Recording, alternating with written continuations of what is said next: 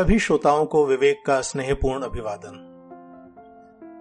कभी कभी ऐसा होता है कि ज़िंदगी किसी उद्देश्य के अभाव में रिक्त सी प्रतीत होती है।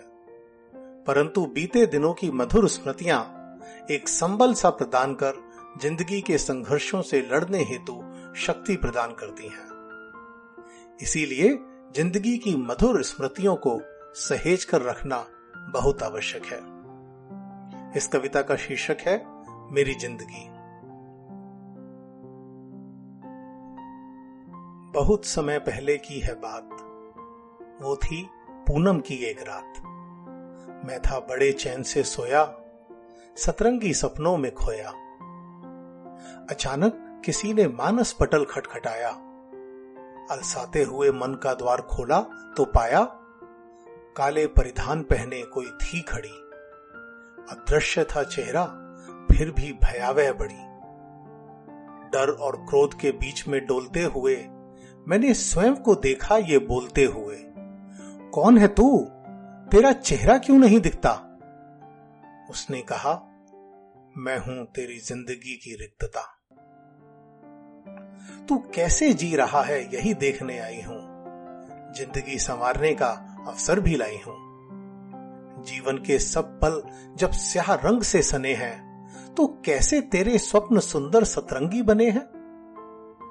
मैंने कहा, मेरे पास है एक स्मृतियों की तिजोरी, जिसमें सहेज रखे हैं सात रंग की हो न चोरी। दिन भर नियति से लड़ जब मैं थक जाता हूँ, तब इन्हीं रंगों को देख थोड़ा सुख चैन पाता हूँ। वो बोली, क्या तुम चाहोगे इनको जीवन में लाना? रिक्त ज़िंदगी को खूबसूरत रंगों से सजाना। कब तक यूँ मात्र स्वप्नों के सहारे जियोगे और तिरस्कार के हलाहल को रोज पियोगे? यदि हाँ तो मुझे इन रंगों के बारे में बताओ और मेरी झोली में इन्हें डाल निश्चिंत हो जाओ। जब सोकर उठोगे तो एक नई भोर होगी। सतरंगी ज़िंदगी की डगर तेरी ओर होगी।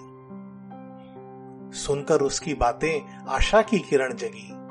जीवन फिर से हो सुंदर, मुझे ऐसी लगन लगी। अच्छा तुम्हें बताता हूँ, क्यों ये रंग मुझको भाते हैं? नीरस निर्दयी जीवन में ये कैसे खुशियाँ लाते हैं? ये पहला रंग बैगनी मुझको माँ से रोज मिलाता है। कहती थी, ये रंग राजसी इसकी याद दिलाता है। छोटा था तो माँ मुझको राजा बेटा कहती थी। उसके बुने बैगनी स्वेटर में ममता की गर्मी रहती थी। दूजे रंग जामनी में बचपन की यादें रहती हैं। हर रात मेरे कानों में ये नई कहानी कहती हैं। गर्मी की छुट्टी में हम सब जामुन आम चुराते थे। जीव जामनी दिखा दिखाकर सबको खूब खिजाते थे। तीजा रंग है नीला जो फैला नब के विस्तारों में। नहीं असंभव कार्य कोई तरुणावस्था के नारों में। नीलवर्ण मुझे आज भी उड़ने की शक्ति देता है, नित्य निराशा के दंशों की पीड़ा पल में हर लेता है। हरे रंग से जुड़ी हैं यादें, सावन में लगते झूलों की, मिट्टी की सौंधी खुशबू और बागों में खिलते फूलों की। विकल वेदना के अंगारे जब हृदय को तड़पाते हैं शीतल मंद मलय के झोंके आ मुझको सहलाते हैं। रंग पांचवा पीला मुझको कोयल की कूक सुनाता है। ऋतुराज की भव्य छटा मेरे समक्ष ले आता है। पीले कपड़े पहन के जब हम मंद मंद मुस्काते थे, किसी काल्पनिक कथा पात्र बन गीत सुरीले गाते थे। रंग छठा मैंने सपनों में उगते सूरज से पाया है। रात भले हो कितनी काली, भोर हमेशा आया है। पाने से है त्याग बड़ा, ये भगवा याद दिलाता है, अज्ञानता के तिमिर में सही मार्ग दिखलाता है। सुर्ख गुलाबों के गुलदस्ते, जो मैंने उसको दिए नहीं, स्वप्न मधुर तो देखे थे पर पूरे हमने किए नहीं। प्रथम प्रणय की वो यादें अंतिम रंग में रहती हैं। आज भी वो कितनी बातें बिन शब्दों के कहती हैं।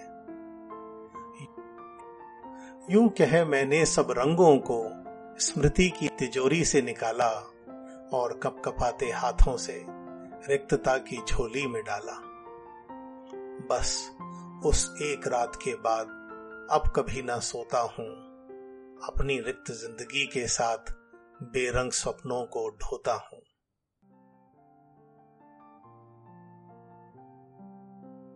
यदि आपको यह कविता अच्छी लगी और आप मेरी अन्य कविताओं को सुनना चाहते हैं तो आप मेरे पॉडकास्ट को अपने मनपसंद ऐप पर सब्सक्राइब कर सकते हैं।